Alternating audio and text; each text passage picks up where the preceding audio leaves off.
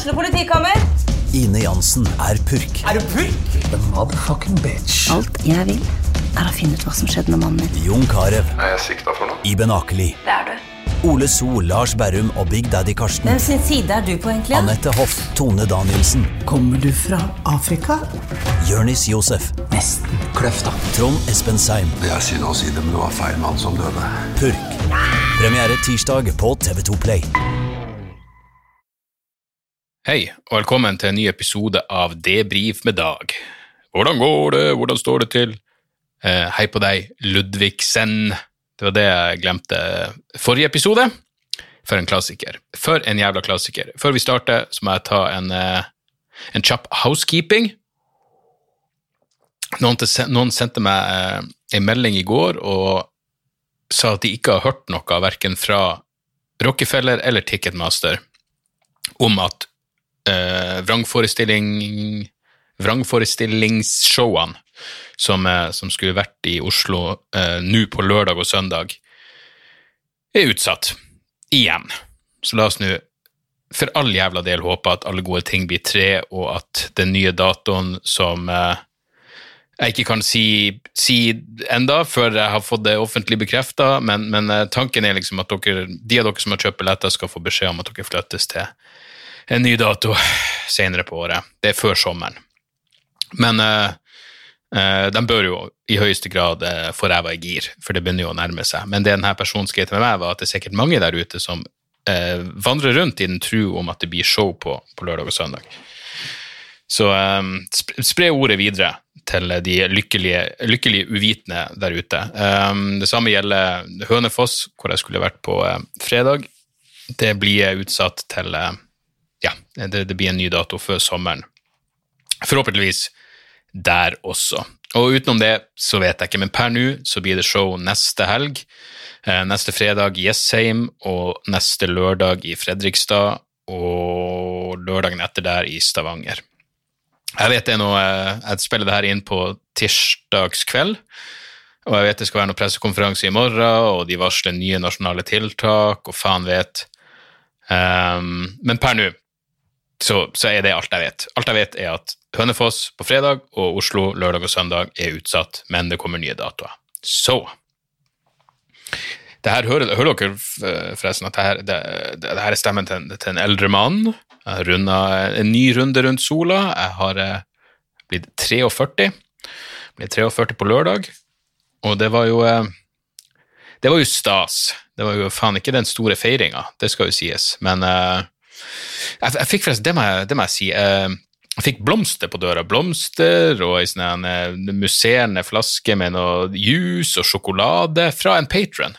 Det sto ikke hvem det var, bare vennlig hilsen en patron. Og hvem enn du er, Mr. Patron eller Mrs. Patron eller Miss Patron, eller et eller annet innimellom der, uansett hvem du er, tusen hjertelig jævla takk. Det varmer. Jeg bryter i meg sjokoladen. Sander drakk den musserende jusen, og eh, fruen eh, satte opp blomsteren. Så uh, det, var, det, var, virkelig stas, og, og, jævlig hyggelig. Og takk for hilsener på diverse sosiale medier. Det er jo det, det, er trivelig. Jeg mener, det, det, det, er sikkert mange der ute som har et inntrykk av at jeg er en en, ja, hva, hva, ville ordet vært? Jeg vet ikke, en kynisk, kynisk er jeg vel kanskje, men jeg, jeg, setter pris på det. Jeg blir, jeg blir, rørt, og jeg blir glad. Og uh, ja, for hvert år som går nå, så er det en, en liten del i hodet mitt som bare er sånn Se, det, det, det, gjorde vi det en gang til. Nok en runde i boks der. Så jeg, jeg leste en artikkel om mikrovaner, som bare var sånne småting du kan gjøre for å gjøre livet ditt bedre i det nye året. Og mikrovaner høres jo overkommelig ut. Og eh, jeg husker ingen, jeg har allerede glemt alle, men det var en av dem som var sånn eh, Ikke ha telefon, et klassiker, men ikke ha telefon eh, på soverommet, rett og slett for å unngå at du starter dagen med å se på telefon, og det er jo mange som tenker sånn, og sikkert mange som gjør det. Problemet er jo at jeg, jeg hører på, på podkaster eller lydbøker eller musikk når jeg legger meg, fordi jeg gidder ikke stemmene i hodet når jeg skal legge meg ned for å sove. Så derfor drukner jeg ut all selvrefleksjon og eh, selvransakelse. Fordi eh, når lyset er slått av, og det er mørkt, og jeg ligger der og stirrer i taket, så, så, trenger jeg noen andre må ta over. Da, da, har jeg, da, har jeg, vært nok i mitt eget hode. Nå vil jeg nå vil jeg ha fri. Så, um, så derfor må jeg jo ha telefonen. Men jeg føler jo også at den jævla telefonen er det som får meg opp på morgenen. I hvert fall når jeg har de derne når fruen har tidligvakt, som betyr at jeg må stå opp og få Sander, og eh, jeg må få frokost i han og lage matpakke og alt det der, da, da, da ringer klokka 06.55. Og hvis ikke jeg har telefon, da, så vil jeg aldri komme meg opp. Hvis det bare går en vanlig alarm som jeg kan sette på en snusknapp på, så jeg, jeg trenger jo selvfølgelig å slå på den jævla telefonen og håpe at det piper inn ei melding eller en mail. Det er jo et eller annet. Bare gå inn på vg.no og se hva slags horribelt faenskap som har skjedd siden jeg gråt meg i søvn sist. ikke sant? Altså, det, jeg hadde ikke kommet meg opp om morgenen hvis det ikke var for den jævla telefonen. Fordi den, det gjør i det minste at jeg våkner. Det er alltid et eller annet der som vekker, som vekker min, eh, min interesse eller irritasjon. Og det er akkurat det som skal til for å få meg Det, det, det er jo som å starte dagen med en liten samtale med Igjen, det blir jo en liten samtale eh, med seg sjøl. Jeg føler at det får hodet i gang. Og jeg har jo også da, jeg setter den jo på 06.55 fordi jeg må vekke Sander klokka syv. Da har jeg fem minutter å, å bare reorientere meg og prøve å eh, mote meg opp. Mote meg opp til eh, Ja, jeg mener, i, i det siste, eller i hele år så har det faen meg vært Groundhog Day av dimensjoner. Jeg klarer ikke å skille noen av de jævla dagene. Så, um, så, så i den forstand så ja, men Jeg håper jo selvfølgelig det blir noe av de, det jævla showene nå i vår, Uh, for jeg, jeg trenger å komme i gang med jeg trenger å komme i gang med, med et eller annet. Men det har jo skjedd litt ting. Eh, eh, ja, som sagt, nå er det tirsdag. Når, når var det? Var det sjette Var det torsdag det var? Når, når var det Når var det det, det, det det lille opprøret i Kongressen? Det var nå i forrige uke, i hvert fall. Eh, fascinerende å se på. Eh, både utrolig og forutsigbart på én gang. Og eh, jeg har fått et par, eh, et par mailer til podkasten som var sånn Jeg håper du skal snakke om det som skjedde i USA. Det, sånn, ja, det blir vanskelig å komme utenom det.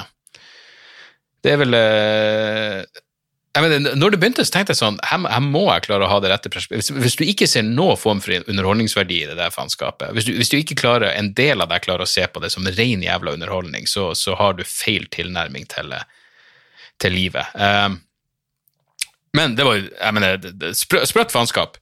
Eh, det første spørsmålet jeg satt igjen med, var jo er QAnon-sjaman en beskytta tittel? Det lurer jeg virkelig på. Jeg mener, tro, han der, han, han eh, det, det kommer ikke til å mangle på hokjønn og hankjønn som eh, har lyst til å dele livet med han, når han måtte slippe ut igjen. Jeg vet jo ikke, jeg vet han er arrestert nå. Han er vikinghjelm-duden. Jeg vet han er, er bura inne, og jeg vil tro han får ei eh, Hvis ikke Trump benåder han eller noe, så vil jeg tro han får eh, Han får ei straff. Jeg tror han må sitte inne ei stund. Um, men ja, QAnon-sjaman. Jeg Med det samme jeg så han, så jeg liksom skjønte hva hans stikk var, så tenkte jeg det her, det her er en blanding. Han, han er som en blanding av, av Aune Sand, og han er Durek-jævelen og Quisling. Og nå hørte jeg at han, eh, han, han, han sultestreiker fordi eh, det er mangel på organisk mat. Det er liksom de livsvalgene du har tatt så langt i livet, unge mann, og så er det det at eh, det er for mye sprøytemiddel på tomatene du får i fengselet. Er det det som er fuckings problemet? Men det skal han ha. Han bidro jo jeg mener, Det de egentlig skulle gjøre i Kongressen, var jo en ren formalitet. Mike Pence skulle jo bare Han skulle gjøre noe som var en ren formalitet. Og så kommer faen meg QAnon-sjamanen inn og, og gjør denne formaliteten til en happening. Ikke sant? Hæ? Med en happening, med, med det der Capital Police som sånne tour guides på slep. Og eh, jeg husker jeg stussa på at eh, eh, i den demokratiindeksen som eh, eh, Det var vel The Economist sin demokratiindeks fra 2019, så var, så var eh, USA kategorisert som et delvis fungerende demokrati. Eh, og har vel vanskelig for å se for meg at, eh, at den statusen er så, eh, så veldig oppgradert eh, siden sist. Uh, men det her skjedde jo på 6. januar, og jeg tror ikke det er en tilfeldighet. Jeg tror bare det her, det her var jo bursdagsfeiringa til godeste Eric Trump, var det ikke det? Eric Trump er 37 år. Se på Eric Trump, og så slo det meg, er jeg seks år eldre enn denne kuksugen? Satan, altså. Da, da, da, jeg, jeg føler, det er jo det at man føler seg man føler seg ikke like gammel som man er. Er det sånn for alle? Er det noen der ute som bare føler seg 43? Det er jo først når du ser deg i speilet at du innser at shit, her har det faen meg sett ting. Her har det skjedd ting siden sist. Men, eh, men ja, sprø, sprø saker, men en verdig bursdagsfeiring for, for godeste Eric. Det, det, det, skal han virkelig ha. Han, han er jo åpenbart han er jo i, i skyggen av Don Junior. Det må, være, det må være kjipt for øvrig å være å liksom ha en bror som er oppkalt etter faren din, og du, du heter Eric, mens, eh, mens, broren din er oppkalt etter faren din. Det, det er jo ei favorisering som Det er jo ei gambling på favoriseringa også. Du bare satser på at denne babyen kommer til å like bedre. Men, eh, men ja. Men seriøst, noe av det første jeg tenkte, var hva sier det her om, om liksom verdien av statlig overvåkning, hvis de, hvis de ikke klarte å være forberedt på det her, som tydeligvis var planlagt relativt i det åpne, på, eh, primært på, på, på YouTube og, og, Facebook, etter som jeg forstår. Ikke på Parler, men, eh, men det får vi komme tilbake til. Nei, det, det, var, det var, fascinerende. Faen meg, de fikk, de fikk Kongressen til å se ut som et jævla Black Friday-salg i en Outland-butikk eller en fuckings våpenfabrikk. Og det, Bare det at de kom seg inn, det, det er jo en symbolsk seier. Liksom En symbolsk seier. Nå kan vi omsider eh, offisielt kaller USA for en bananrepublikk. Lurer nesten på om det finnes det bananmonarki, eller er det kun republikker som får ha den, den æra? Nei, men uh, crazy shit, fem døde, um, inkludert en person, uh, en opprører, eller terrorist, som det vil visstnok hete. Så dere at selv, hun der gulrota fra Sex og singelliv var ute offisielt og kalte dem eh, terrorister. Jeg mener, Når hun engasjerer seg, da vet du at det er alvor. Hei, fem døde. Um, selvfølgelig hun som, ble, som de har opptak av, ble skutt. Um, og så en person som Han fikk visstnok hjertefeil etter å ha spraya seg sjøl med tåregass ved et uhell. Så døde han. Uh, så hørte jeg i dag at det er visstnok en politimann som tok livet av seg i går eller i forgårs, uh, og uh, politiet påstår at det var relatert til, til, det som skjedde på et eller annet vis. Men uansett hvor jævlig det her var, og hvor jævlig det kunne blitt, så var jo det verste resultatet var jo at Asle Toje dukka opp på TV igjen. Måtte jeg se på det der jævla trynet.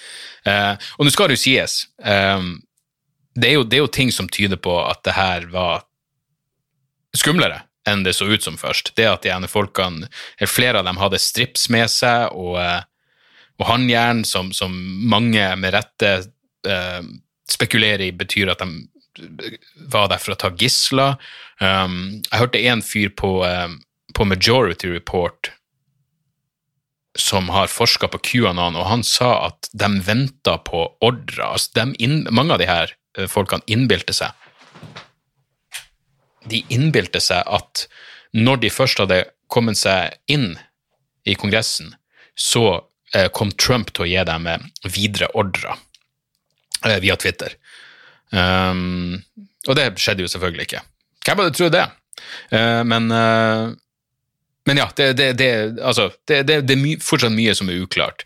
Uh, det er fuckings uklart hvorfor Eller her, her, er det jo ting som tyder på um, at det var med overlegg dårlig, at politiet var dårlig forberedt, at, de, at uh, politisjefen hadde bedt om, om, mer ressurser, fordi de visste hva som kunne komme til å skje, men at det ble Hva i faen er det som skjer nå? Det er et eller annet som slår seg på. Jeg hater når jeg ikke vet hva som slår Når ting bare snakker uten at uh, du Når du har gadgets som begynner å snakke uten at jeg har, uten at jeg har starta samtalen, da er det et eller annet som, eh, som ikke stemmer under innstillingen. Uh, men ja. Og selvfølgelig, uh, som man ofte gjør når denne typen tingen skjer, så, så, går man jo inn på Twitter, og nok en gang fikk jeg bare understreka hvor sinnssykt lite produktivt det er. For mens det her pågikk in real time, så var det jo det var flere som skrev mener, Og ting blir jo en klisjé så jævla fort. Jeg mener, hvordan, hvordan føles det for deg å være nummer 750 000 som skriver å, hvis det her var Black Lives Matter, så ville de allerede vært skutt? Jeg mener, hvor mange må si det samme? Hvorfor, hva, hva du bidrar med å fucking si det samme? Hva, hva du bidrar med med å er du så naiv at du innbiller deg at det er en fuckings original tanke? Jeg holdt på å skrive eh, en tweet om at det var ironisk at, eh, eh at de ikke bruker maske, og så slo det meg Nei, det er jo garantert 30 000 som har tatt det poenget allerede. Ikke sant? Det eneste jeg, jeg, jeg, tenkte som kanskje var et originalpoeng som jeg ikke hadde sett enda, men jeg klarte ikke å formulere det, var at det der med Trump klaga på Nei, Trump sa at han hadde Det var flere folk på innsettelsen hans enn det var på Obama sin innsettelse. Jeg tenkte Nei, det stemmer jo ikke, men, men, eh, men Trump uh, kuppforsøk hadde atskillig bedre oppmøte enn uh, enn Obama sitt ikke-eksisterende ja, dere, ser allerede at den gikk jo ingen jævla vei. Ingen vei. Den morsomste tweeten jeg så om hele dritten, var en komiker som heter Andy Andrews, som skrev Hey, now that nobody's looking, let's storm Area 51. Den er gøy. Uh, fordi han tar det i, du, du, må gå absurd hvis du skal få noe morsomt ut av det der, når det sitter hundretusenvis, om ikke millioner av mennesker følger med på det samme og prøver å komme og, og folk er jo flokktanker. Det er mye av de samme jævla Men ikke sant, det er jo de der øyeblikkene der når noen konsensusen formes så jævla fort at det, det er fristende å bare trekke pusten. Ikke sant? Bare, men, men, folk er så Det er så fuckings Det er så mye emosjoner og en sånn helvetes overreagering. Jeg husker ikke hvordan det begynte, men det var noen som skrev et eller annet med at uh, politiet støtter Trump. De støtter det her. Jeg husker ikke hvem som skrev det. Det var flere som skrev det samme. Selvfølgelig var det det. Uh, uh, men politiet støtter det her, så derfor får de slippe inn. Og så skrev jeg bare sånn hvor, Jeg skrev bare et eller annet som bare uttrykte spørsmål sånn hvordan Jeg bare, jeg bare skrev så Capital Police, de som liksom har Kongressen er liksom deres arbeidsgiver. Deres hele jobb er å beskytte Kongressen, så jeg har de Støtter de Trump? Og så var det noen som sendte meg en video. Og se her! Og så var det en video av en eh, politimannen som, tar, som lar seg en selfie bli tatt med en av eh, terroristene. Jeg, sånn, jeg, vet ikke helt om det beviser det jeg spurte om, men ja, det der ser jo absolutt forstyrrende ut. Og da var det et par stykker som skrev til meg du er overrasket over at ikke du har peiling, skjønner ingenting. 80% av eh, politifolk støtter Trump. Jeg var sånn, hei, du vet ikke engang hva jeg mener, tror du jeg liker det jeg ser? Det er fuckings forstyrrende. Jeg bare stilte et spørsmål. Er det noe som tyder på Hvordan vet du Jeg sitter jo og ser det samme som deg. Hvordan er du så skråsikker nå mens det her pågår, på nøyaktig hva faen som foregår? Jeg bare stilte et spørsmål. Det var ikke engang ment som et lada spørsmål. Men siden du nå sier at 80% av politifolk støtter Trump, kan ikke du bare sende meg en link til det? Så, så jeg vil gjerne se på de, de, tallene, for det er jo interessant. Og så fikk jeg selvfølgelig svar at jeg finner ikke noe om det. Men i 2016 så var det 70 og her er det, jeg bare, ja, det, det er. Det var ikke det jeg spurte om. Jeg spurte om 80% av politifolk støtta Trump i 2020. For det ville jo ærlig talt ikke vært overraskende etter den sommeren de hadde i USA, med det ryktet politiet fikk. Uh, men igjen, der har du greia, liksom. Straks du bare stiller spørsmål, så er du en Trump-supporter. Det er som om jeg har nå en liten uh, Veldig, veldig liten uh, kjærlighet for QAnon, konspirasjonsteorier om kannibalistiske satanister. Ingen fan av fascister. Jeg mener, når du ser folk der med fuckings Camp Auschwitz-skjorte det, det, var noen på, som jeg så på Twitter, det var helt fantastisk, prøvde å eh, forsvare det med at ja, men kanskje han var i Auschwitz. Ja, da var han vel i så fall i ballene til faren, mens faren var i Auschwitz. Men det at det sto 'staff member eller noe sånt på baksida, betyr vel at uh, nei da, her har du en fuckings fullblåst jævla nazist. Uh, en fyr hadde i skjorte hvor det sto 'American Supremacist', og det er sånn, ja, ok. Uh, sprøtt. Sprøtt, sprøtt, sprøtt. Men det er jo ingen jævla tvil om at uh, det har vært en normalisering. Og jeg hører her, her, her er ingen form for likestilling, ingen form for relativisering av noen verdens ting. Men det har vært en normalisering av politisk vold i USA gjennom hele jævla fjoråret. Altså, det er bare ting snudd rundt nå, ikke sant? Det er mange som har påpekt det. Folkene som prater om defund the police, mente nå at politiet ikke var, vill, var voldelig nok, og nå klager folk på at nasjonalgarden ikke ble satt inn raskt nok. Ikke sant? Og så er det jo et legitimt spørsmål. Hva er verst? Tanke på kongressmedlem som gjemmer seg i frykt, eller, eller eier av små forretninger som i tårer ser at livs, livsverket deres eh, brenner opp under, under plyndring i navnet til såkalt social justice, ikke sant? Forskjellen er jo selvfølgelig at Black Lives Matter-demonstrasjonene var legitime og hadde eh, et, et, et, et, politisk poeng, mens de her skapningene har latt seg villede av fuckings tankespinn og fantasier og ja, det er virkelig ting som er så hinsides. Jeg vil vel si av alle konspirasjonsteorier. Jeg, jeg syns QAnon er dummere enn Flat Earth, så, så um, virkelig ikke noe, noe forsvar for det i det hele tatt. Men av og til får du bare lyst til å si til folk må du huske at du er ikke en prinsipiell motstander av politisk vold, du er motstander av grunnen til at de gjorde det de gjorde. Og det kjenner jeg på meg sjøl også. Hvis noen hadde brutt seg inn i Kongressen for å uh, stoppe amerikansk støtte til Saudi-Arabia si uh, krigføring i Jemen, så ville jeg jeg ville heia på dem. Jeg ville synes det var et poeng der. Så, så vi er alle bare Vi er ikke prinsipielle motstandere av det som skjedde. Vi er bare Vi syns bare rettferdiggjøringa Vi syns grunnen til at de gjorde det de gjorde, var fuckings idiotisk. Og det er den jo. Objektivt sett. Eh, og som sagt, mer og mer tyder på at det var mørkere eh, enn det kunne virke i utgangspunktet. For det så ut som en jeg mener i starten, det så ut som en, eh, en sånn semivoldelig eh, Eller det, det, er jo ikke engang rett. En politimann ble vel slått i hjel. Men det var en, en voldelig kostymefest med fascistiske overtoner. Uh, men, men, jeg klarte liksom aldri å se på det som et kuppforsøk eller en eksistensiell trussel mot demokratiet. Jeg mener, Folk hadde jo faen meg Det var rett på. Her slo man på stortromma med sammenligninger. Det var, bare, det var Hitler sitt Bearhole Perch, Eh, Arnold Schwarzenegger kalte det krystallnatta, det er opprør, det er kuppforsøk. Jeg mener, Å kalle det her et kuppforsøk er jo et hån mot alle de kuppene som USA har utført eh, verden over. Jeg mener fuckings, For å si at det her var et kuppforsøk til folk i Guatemala eller Iran eller Chile eller Filippinene eller Kongo eller Angola eller Panama Enhver jævla CIA-agent rister jo på hodet og snur seg i grava og fniser når noen kaller det her et jævla kuppforsøk. Men hvis jeg er på, jeg måtte bare finne frem, ta Sjekk ut boka eh, Killing Hope av William Bloom, som bare er et kompendium av kupp og militære intervensjoner. Eh, den fulle tittelen er Jeg maila faktisk ganske mye med William Bloom mens jeg skrev masteroppgaven min. Uh, name drop. Nå er han dessverre død, men boka heter Killing Hope, US Military and CIA Intervention since World War II. Um, veldig, veldig bra bok. Full av ordentlige coup d'etats.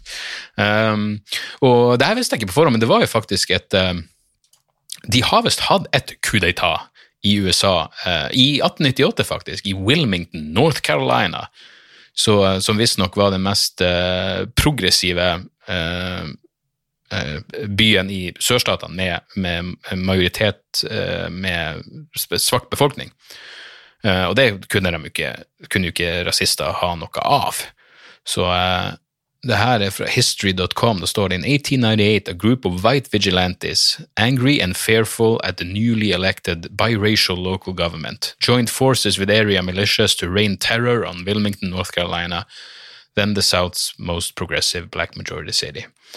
Uh, heldigvis uh, ja, du, du, uh, i hvert fall i, i, dagens verden, uh, skulle de utført et, et kuppforsøk i Washington, så trenger de vel militæret på sin side, og, og det hadde de ikke. Um, men det, det, skal sies, jeg hørte på um, podkasten Tangently Speaking. For det første var det ganske interessant. Det er jo en kar som heter Chris Ryan, som jeg liker veldig godt. I starten av podkasten hvis jeg husker denne episoden rett, den siste episoden som kom ut, så prater han liksom om ja, QAnon og de sinnssyke konspirasjonsteoriene, og folk er så villreda.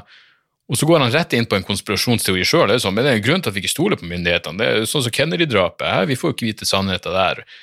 Ok, jeg, jeg, jeg vet ikke. Eh, men Chris Ryan han dro en liten original konspirasjonsteori, eller jeg vet ikke engang hva man skal kalle det for noe, men han sa Ingen, ingen, skjønner hvorfor eh, Trump eh, sparka forsvarsministeren og fikk en ny forsvarsminister så kort tid eh, som han hadde igjen som president. Da mener Chris Ryan at det var selvfølgelig fordi han ville ha en ny forsvarsminister som, som ville høre på eh, Trumps ordre. Så Chris Ryan var overbevist om at dette var planlagt, eh, planlagt på forhånd. Og hvem vet?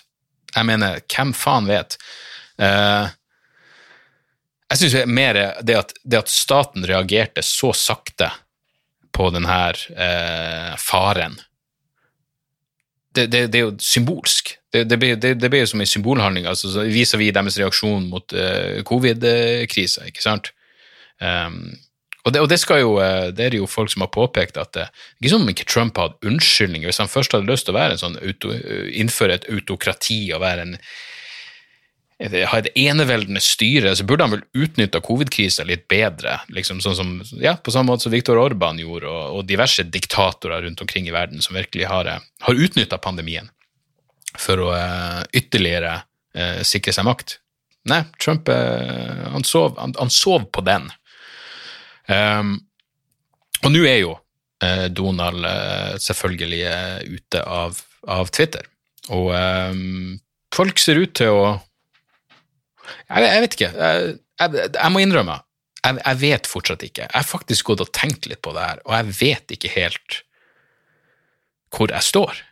Eh, jeg tror jeg lener meg, og det her er noe jeg aldri i mitt liv hadde trodd jeg skulle si, men jeg tror jeg lener meg litt mot, mot Jonas Gahr Støre og Angela Merkel, som, eh, som, har vært, eh, som, har vært, kritisk til det her.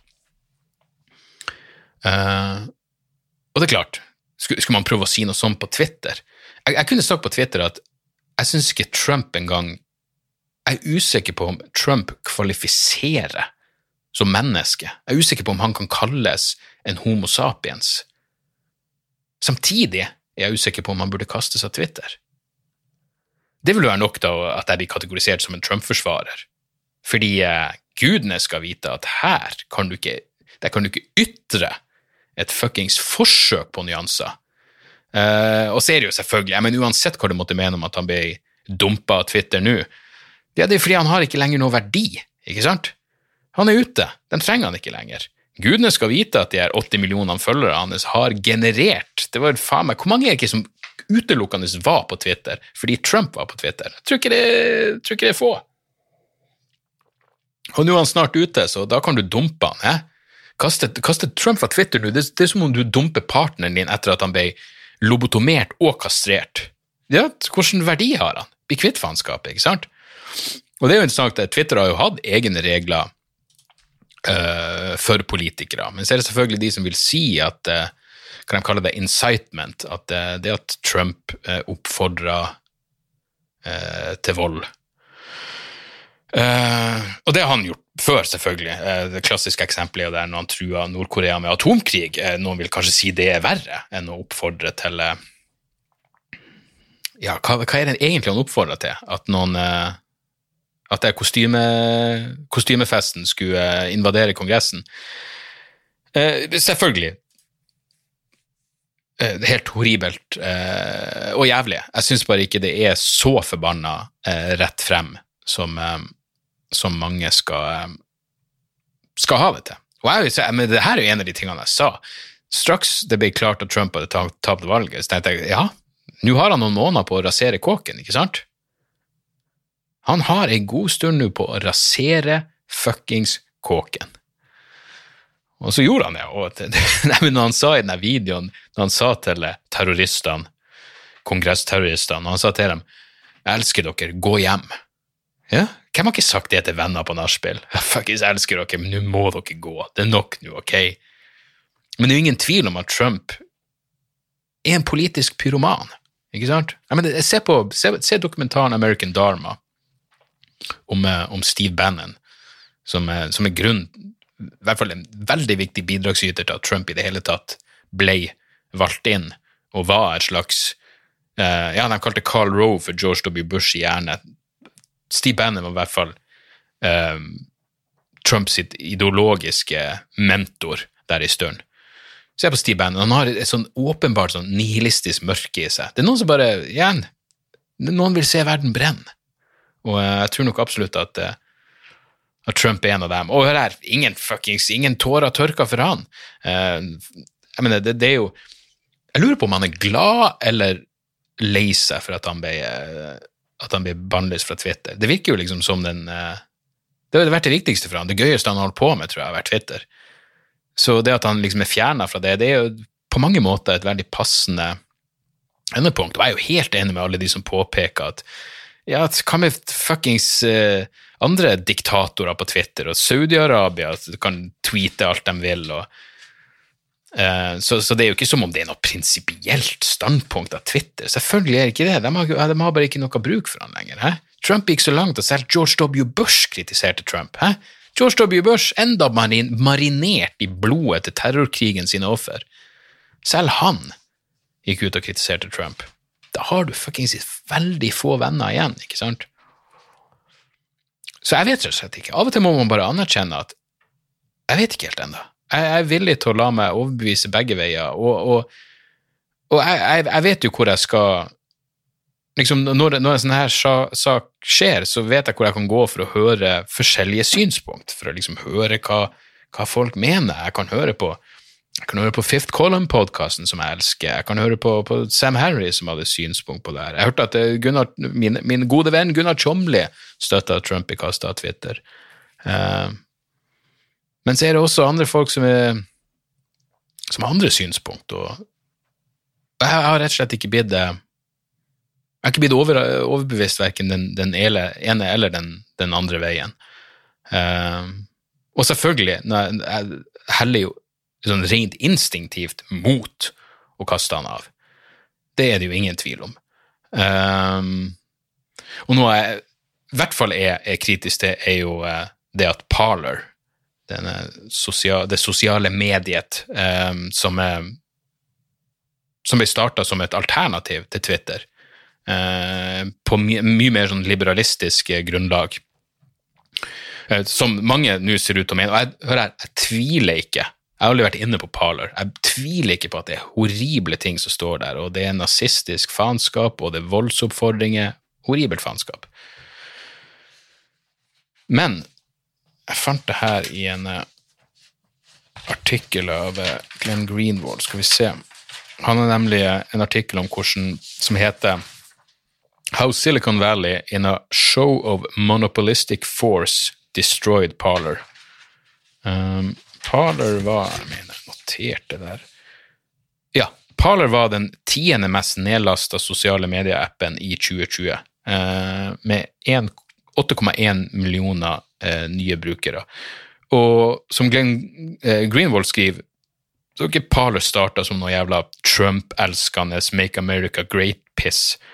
Eh, det var starta uh, som, som, jeg sa, mer som en sånn liberalistisk alternativ til Twitter. Så i tillegg en, en sosial medieapp som respekterte privatlivet, og ikke driver og, uh, og samler inn så jævla mye så jævla mye data om bryterne og brukerne, og i tillegg da eh, atskillig mer genuin og prinsipiell tilnærming til, til ytringsfrihet. Eh, og I dette tilfellet mener jeg bare jeg vet ytringsfrihet. Det handler ikke om ytringsfrihet når du blir sparka av Twitter. Ytringsfrihet handler om hva myndighetene gjør. Ja, ja, ja. Men som Greenwald påpeker, det alle sier, har sagt hele tida Hvis du ikke liker retningslinjer på Twitter, start ditt eget. Start ditt eget sosiale medium. Og det var det noen gjorde, og nå er det knust. Tech-gigantene har brukt si monopolmakt til å eh, sette kjepper i hjulene for eh, Selvfølgelig, Eh, det er jo fordi det var ei eh, horribelt eh, møtested for nazister og fascister og militser. Det har ingen verdens ting med at de var en, en konkurrent til Twitter og, og Facebook. Um, og ja, her vil jeg i hvert fall si meg enig. Ikke bare var det Angela Merkel, um, det var uh, flere folk fra, fra, franske myndigheter og den meksikanske presidenten uh, har sagt at uh, med bannlysinga av, av, Trump og, eh, og knusinga av Parler, så, så gjør det, det tech-gigantene gjør seg om til a world media power. Så, og til og med ACLU, som vel eh, har, vært ve- veldig aktivistisk eh, i kampen mot Trump. Greenwall siterer eh, noen der som sier at I think we should recognize the importance of neutrality when we're talking about the infrastructure of the internet. Så, um, så ja. Men igjen, ingen fuckings eh, beinharde, klare meninger her. Jeg er bare så glad at en person eh, som Glenn Greenwald er der ute. Fordi når du har demokrater som begynner å prate om at nå må vi sette eh, senator Ted Cruz på en no fly-liste fordi han er en eh, innlandsterrorist, ja, da er det gått litt langt. Green, Greenwald hadde en annen eh, jævlig bra artikkel om eh, eh, som, som virkelig er verdt å lese. Eh, faen, hva er det den heter for noe? Den heter Violence in the Capital, Dangers in the Aftermath, hvor han trekker det her Han trekker det øyeblikket etter eh, kongressopprøret. Trekker han linjen tilbake til tida rett etter 11. september-angrepene, og hvordan det er de folkene som faktisk eh, trakk pusten og prøvde å tenke litt helhetlig, som, eh, som faktisk kom bedre ut av det eh, i ettertid. Blant annet eh, hva heter Barbara Lee, hun er kongressdama som var den eneste som stemte imot den denne eh, autoriseringa til bruk av militærmakt etter, eh, etter terrorangrepene. Hvor hun bare sa la oss nå bare tenke og Dere kan se den, det ligger på Greenwald linke til uh, uh, YouTube-klipp hvor hun uh, kongressdama bare oppfordrer til litt refleksjon før man eh, lar følelsene ta overhånd. Og eh, Greenwald sitt viktigste poeng, som jeg hørte han prate om før eh, før det her skjedde 6. januar, var jo at eh, han så for seg at under Biden så kom eh, såkalte hjemmedyrka terrorister, militser, det kom til å bli det nye fokuset. Eh, det var det, FBI eh, kommer til å bruke. På samme måte, han nevnte til og med konkrete eksempel med ikke sant, du har eh, hvordan FBI har lurt, av og til mentalt tilbakestående muslimsk ungdom, til å liksom rekruttere dem og få dem til å rett og slett blitt eh, eh, Få dem til å utføre liksom-terrorangrep, og så arrestert dem, selvfølgelig, og sagt at vi har stoppa et viktig terrorangrep. Det er en jævlig bra dokumentar om det her som heter, som heter Error, eller Terror. Eh, er i parentes. Eh, verdt å se. Men uansett, Glenn Grewald sitt poeng er at eh, han ser for seg at under Biden så kommer fokus til å gå bort fra muslimske terrorister og hele det ettermælet etter 9-11. Fokuset kommer til å bli på militsgrupper, høyreekstreme militsgrupper. Den typen mennesker vi så eh, eh, lage helvete eh, i Washington. Eh, Og at du kommer til å få FBI-fabrikkerte terroraksjoner fra denne typen gruppe. Eh, og igjen, du ser jo allerede, altså det er nå forslag om nye terrorlover. Og der burde du, der, altså der burde alle faen meg være der burde alle være skeptiske. Fordi er det noe det her visste oss, er det jo at med, med, altså, Si hva du vil om det som skjedde, men mer overvåkning er da faen ikke er da faen ikke løsninga. For de her folkene kunne jo planlegge det. Ikke på Parler, men på Facebook og YouTube. Så um, Så ja. Men herregud, la oss, la oss bare bli kvitt bare, bare bort med fyren. Glem alle prinsipp, alle innvendinger, alt det der. Bare, bare bort. Bort med faenskapet. Og igjen, jeg har sagt det før, jeg sier det glad igjen, det kan bli verre. Det som kan komme etter Trump, kan bli enda fuckings verre. IS kom etter Taliban. Vi trodde, vi trodde Al Qaida var det verste vi kom til å få, og så kom IS. Hæ? Nå ser jeg at Sofa, programmet Sofa kommer tilbake. Du trodde det ikke kunne bli verre. Det kan bli fuckings verre. Trodde du Sofa, NRK-programmet Sofa, trodde du det var over? Nei, det er tilbake på TV2 med ei A-listegruppe med kjendiser. Nå kan du få se Kali, du kan få se Kali Hagen og Eli Hagen se på TV. Du kan sitte hjemme og se på TV. At Kali Hagen og Eli Hagen ser på TV. Du kan se Tusvik og Tønne se på TV. Du kan se Adam Skjølberg og Jorunn Stiansen og Vendela Kirsebom og Petter Pilgaard. Det går så nedover. Kulturelt sett er jo det her verre enn hva enn de fuckings gjorde i Kongressen. Satan. Det kan alltid bli verre, folkens. Veldig verdt å huske. Ha det alltid i bakhodet. Jo, det her er så jævlig som det blir. Nei, jeg har ikke sett noe ennå. Ah. Men sånn er nå det. Sånn er nå det. Trump er borte av Twitter, la oss fjerne Få han bort. Få han bort. Meg til Biden skal begynne å true Iran på Twitter med at «Eh, vi, holder, vi sier ikke at vi skal angripe dere, men vi holder alle muligheter åpne. Ja, ja, ja, det er i tråd med retningslinjene. Selvfølgelig er det det. Null fucking stress. Jesus, har jeg jabba om det her faenskapet nå i 40 minutter? Ja, ja, så, sånn blir det. Til hvem enn som skriver, har du noe synspunkt på det som har skjedd i USA? Tydeligvis hadde jeg det. Um, ja. Det er vel andre ting å prate om, men jeg, jeg kommer ikke på det akkurat nå. det ble som det ble. Satan. Uansett, så, som sagt, det skal bare bli så jævla godt å og godt å bli og, og, bort med Trump. Jeg er virkelig spent på hva han kommer til å finne på, men den ideen med å, vi må få det, det få, avsa- få inn det 25th Amendment så han aldri kan stille til valg igjen, sånn, jeg, jeg, der tror jeg ærlig talt over, overvurderer han. Han er 74. Det er greit at han, at han blir kvitt covid-19 på eh, to timer, men jeg tror ikke han stiller til valg i 2024. Det tror jeg virkelig ikke. Jeg tror nok det kommer noe jævla Jeg leste om en sånn ja, det var en politiker som visstnok lå an, eh, selvfølgelig kristenkonservativ, men ung, eh, skruppelløs, sjælløs, sosiopat. Veldig inspirert av Trumps retorikk. Men han gjorde tabben i å være delaktig i det eh, fuckings kongress-tivoliet. Så, så det kan jo muligens ødelegge hans karriere, men det er nok garantert mange som han der ute. Så, eh, så vi får se. Og det republikanske partiet er jo det, det, det er en så rævkjørt institusjon som du kan få det. Så hva de skal finne på, det må, det må, må gudene vite. La meg avslutte hele det her med eh, et lite boktips som er, som er relatert. Um, jeg har den ikke rett foran meg her, men jeg skal slå opp hva Jeg husker ikke hva forfatteren heter.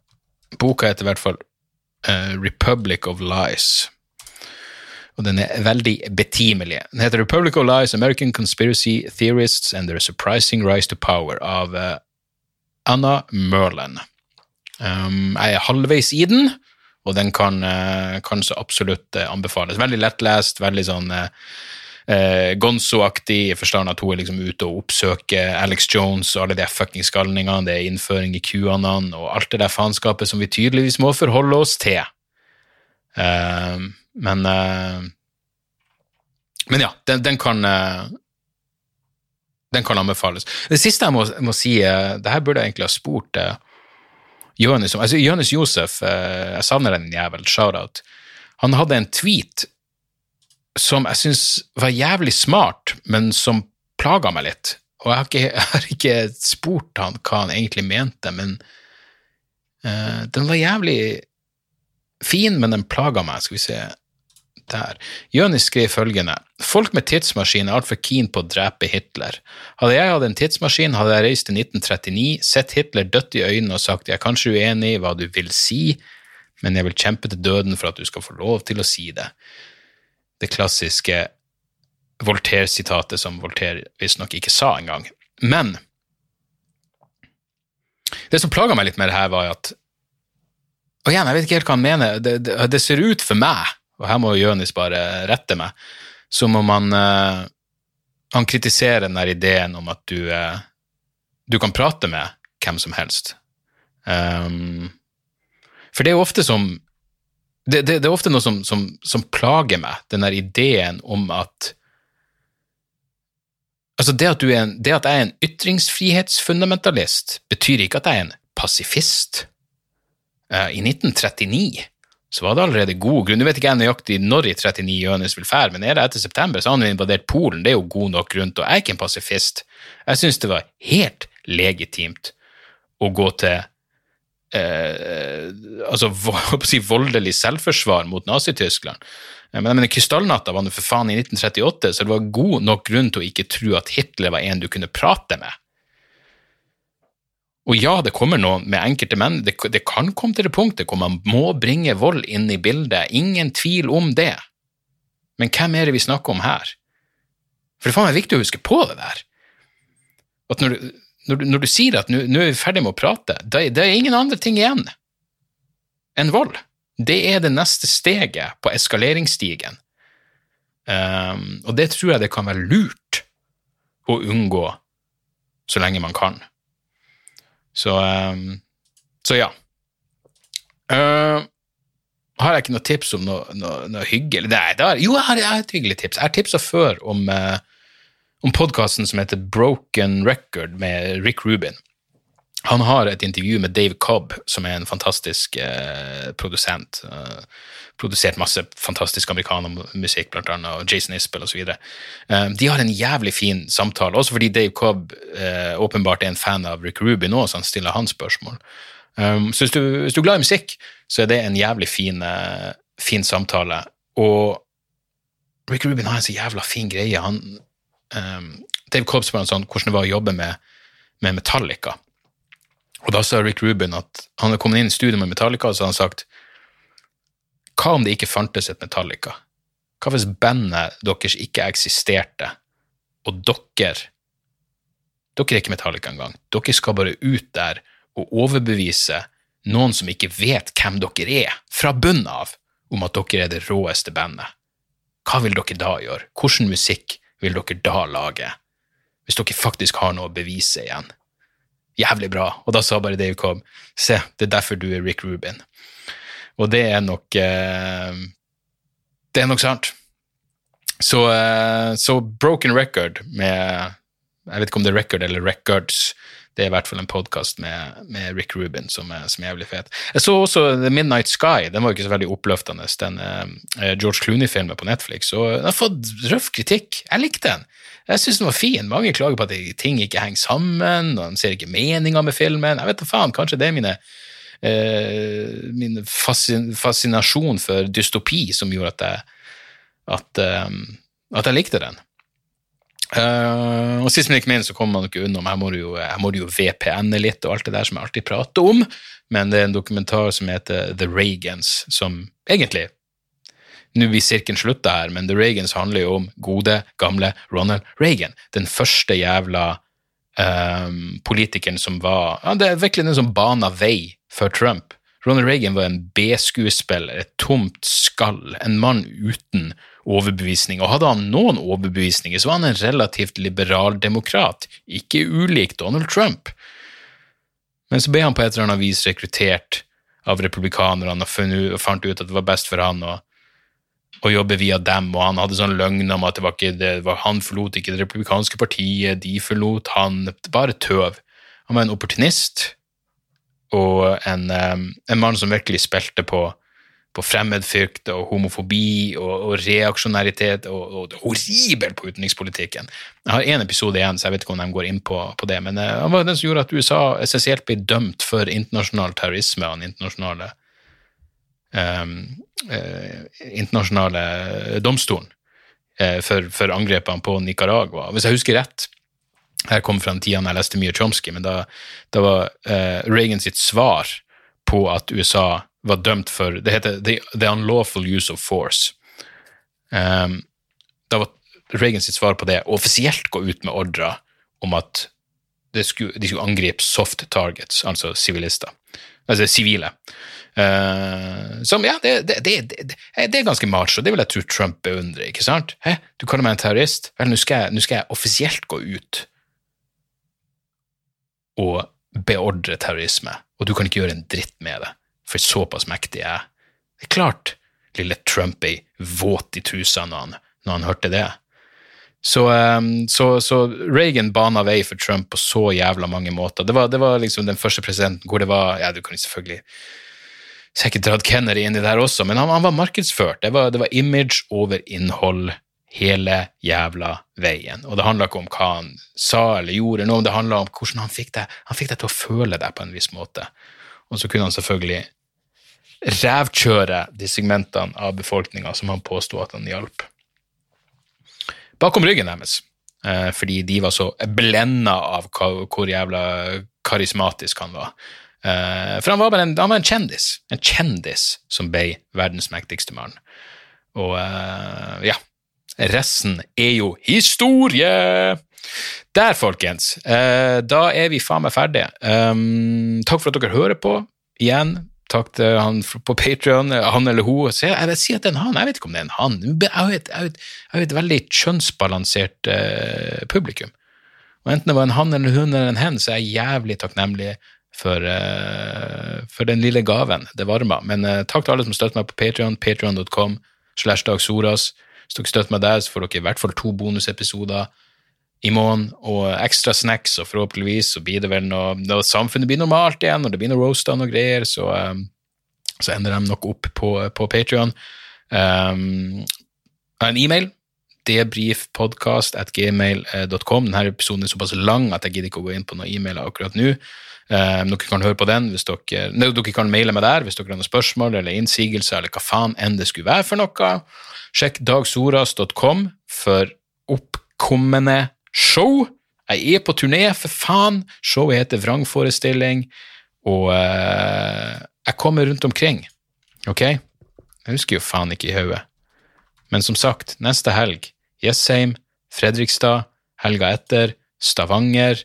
Uh, jeg kommer til Moss, jeg kommer til Skien, jeg kommer til Bergen, jeg kommer til Finnsnes, Harstad, Bodø, Tromsø, Steinkjer, Levanger, Trondheim, Ålesund, Stavanger, Honningsvåg, Hammerfest, Ski, Sandnessjøen.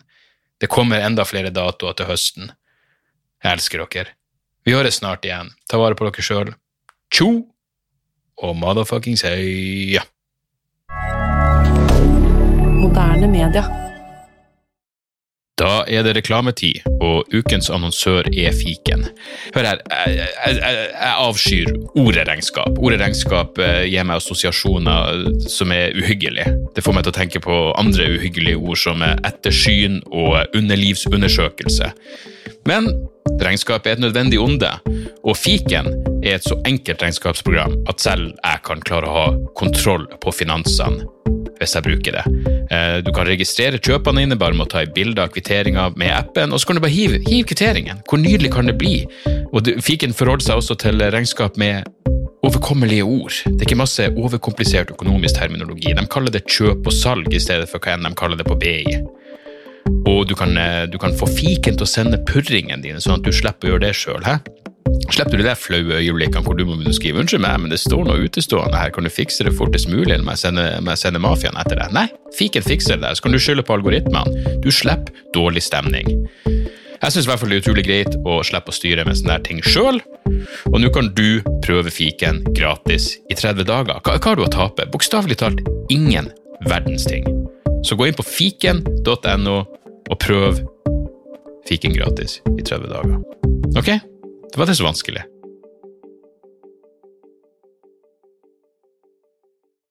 Har du et enkeltpersonforetak eller en liten bedrift? Da er du sikkert lei av å høre meg snakke om hvor enkelt det er med kvitteringer og bilag i fiken, så vi eh, gir oss her, vi. Fordi vi liker enkelt. Fiken superenkelt regnskap.